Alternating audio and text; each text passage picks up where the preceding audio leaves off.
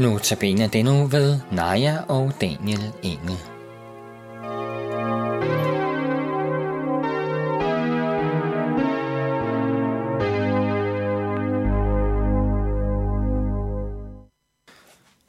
Hvis vi skal pege på det, som er det største i vores liv, så vil mange af os pege på det, at vi har oplevet at være elsket af et andet menneske.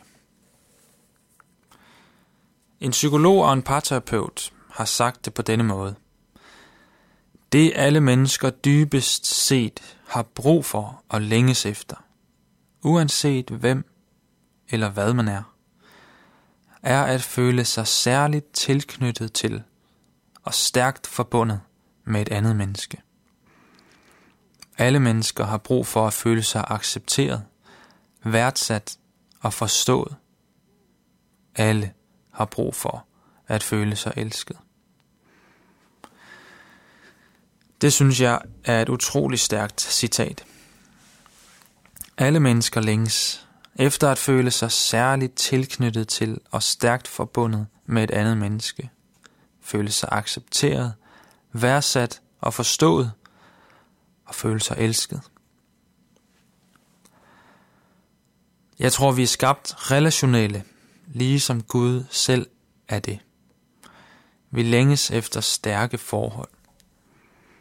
Og det er disse forhold mellem mennesker, som giver livsindhold. I hjemmet, i familien, kærester, ægtefæller, børn og forældre, gode kolleger på arbejdspladsen, gode venner, som vi kan følges med gennem livet. Dette gør sig desto mere gældende i forholdet til Gud. Vi har brug for en relation til Gud, ellers er der et tomrum i vores liv, som aldrig kan blive fyldt.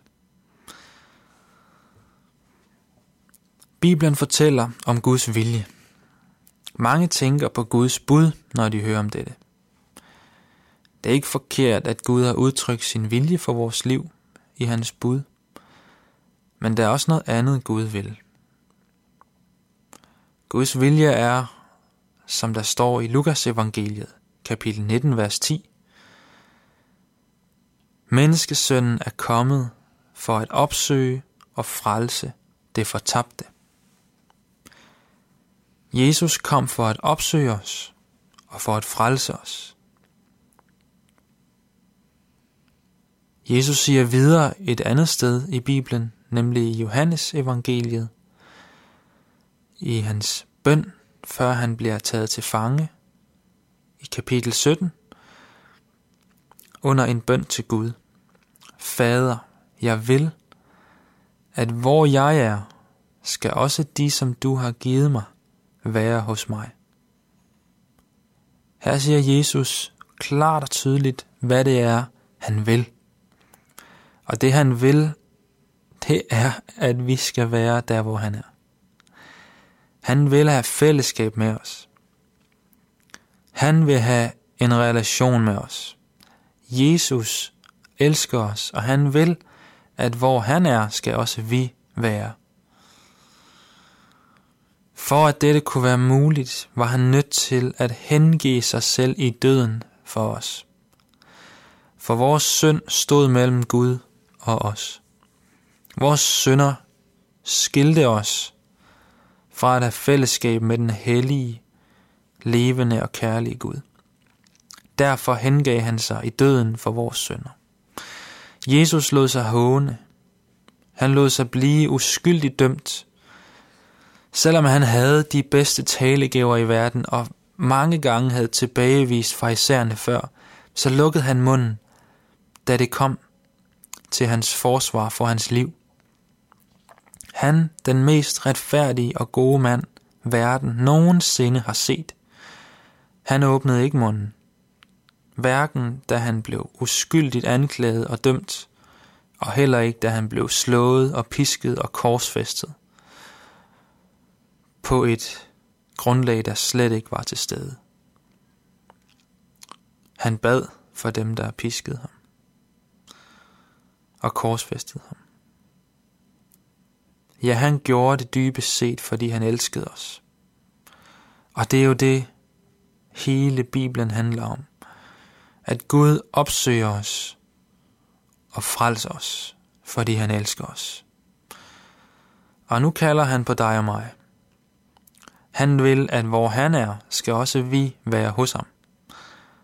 Han vil opsøge dig nu, frelse dig og have dig med hjem til himlen.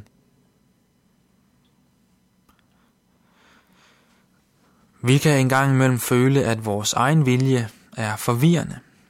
Den bliver let brudt af dårlige vaner og synder. Ja, hvor mange har ikke prøvet at have et nytårsforsæt, som blev afbrudt inden for kort tid, måske endda bare få uger eller dage. Vores vilje kan være svag. Sådan har Paulus også selv haft det. Han skriver i Romerbrevet, Det gode, som jeg vil, det gør jeg ikke, men det onde, som jeg ikke vil, det gør jeg. Han, som er den store apostel i Bibelen, store disciple, han har, han har betydet så meget for kristendommen. Han havde det på samme måde. Det onde, han ikke ville, det gjorde han. Og det gode, som man faktisk ville, det gjorde han ikke. Kan du ikke se, hvordan vores egen vilje er utilstrækkelig, hvis vi skulle forsøge at opnå fællesskab med Gud? Men Jesus har en stærk vilje. Han vil, at vi skal være, hvor han er og vi får lov at kaste os ind på hans vilje og hvile i den, i stedet for vores egne forsøg. Og så må vi lade hans vilje blive vores. Jesus vil, at hvor han er, skal også vi være. Så lad os imødekomme hans invitation til fællesskab med os. Her i livet og i evighed i himlen. En del af denne relation synes jeg er meget stærk, kommer til udtryk i slutningen af Johannes evangeliet. Denne relation med Jesus. For her spørger Jesus øh, hans disciple Peter. Peter, elsker du mig? Elsker du Jesus tilbage?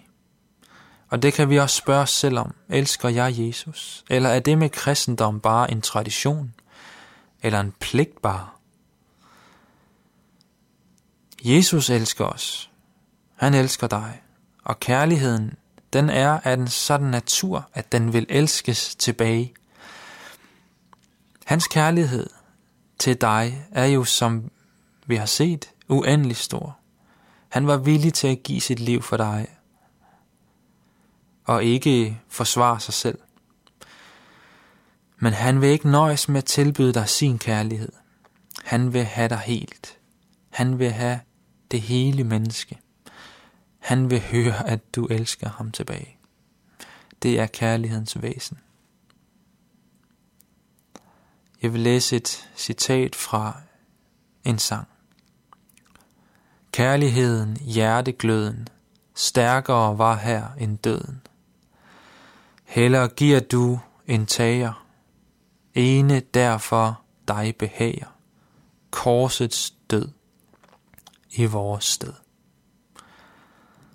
Så lad os tage imod den kærlighed, som Gud har vist os, og elske Jesus tilbage som den kærlige frelser han er.